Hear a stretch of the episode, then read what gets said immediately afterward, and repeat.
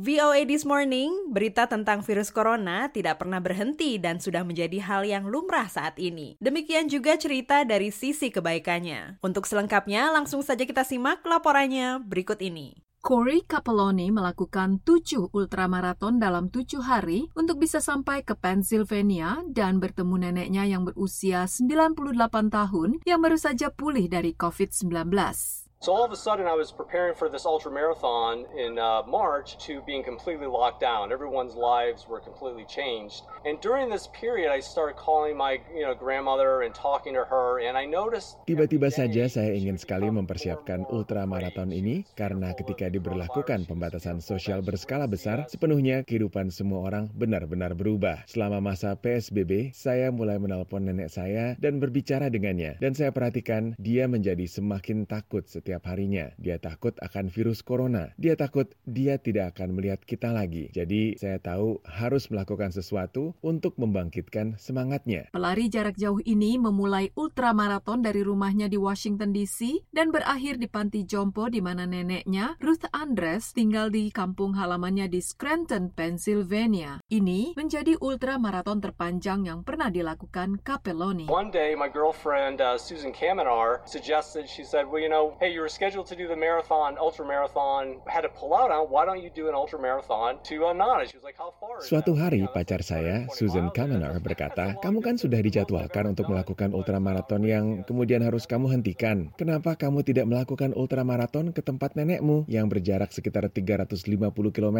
Jarak yang cukup jauh. Jarak terjauh yang sudah pernah saya lakukan adalah perlombaan melalui gurun Sahara dengan jarak 251 km. Run for Ruth Challenge telah mengumpulkan lebih dari 24 ribu dolar Amerika untuk para manula yang diisolasi selama krisis virus corona. People who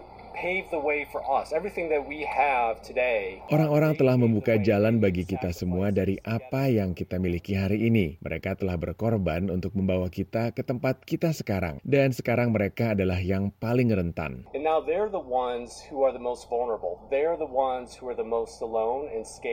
Mereka adalah orang-orang yang paling kesepian dan takut. Jadi saya pikir hanya dengan cara inilah kita dapat membantu orang-orang yang pernah membantu kita sepanjang jalan. Ketika Capelloni melewati garis akhir maratonnya di Panti Jompo Allied Services Skill Nursing and Rehab Center, tempat neneknya tinggal, perempuan tua itu melambaikan tangan kepadanya dari jendela kamar tidurnya di lantai 4. Dia selalu mendukung saya dan percaya pada saya. Dia selalu ada di hati saya. Dia orang yang sangat istimewa bagi saya. Thank you for everything.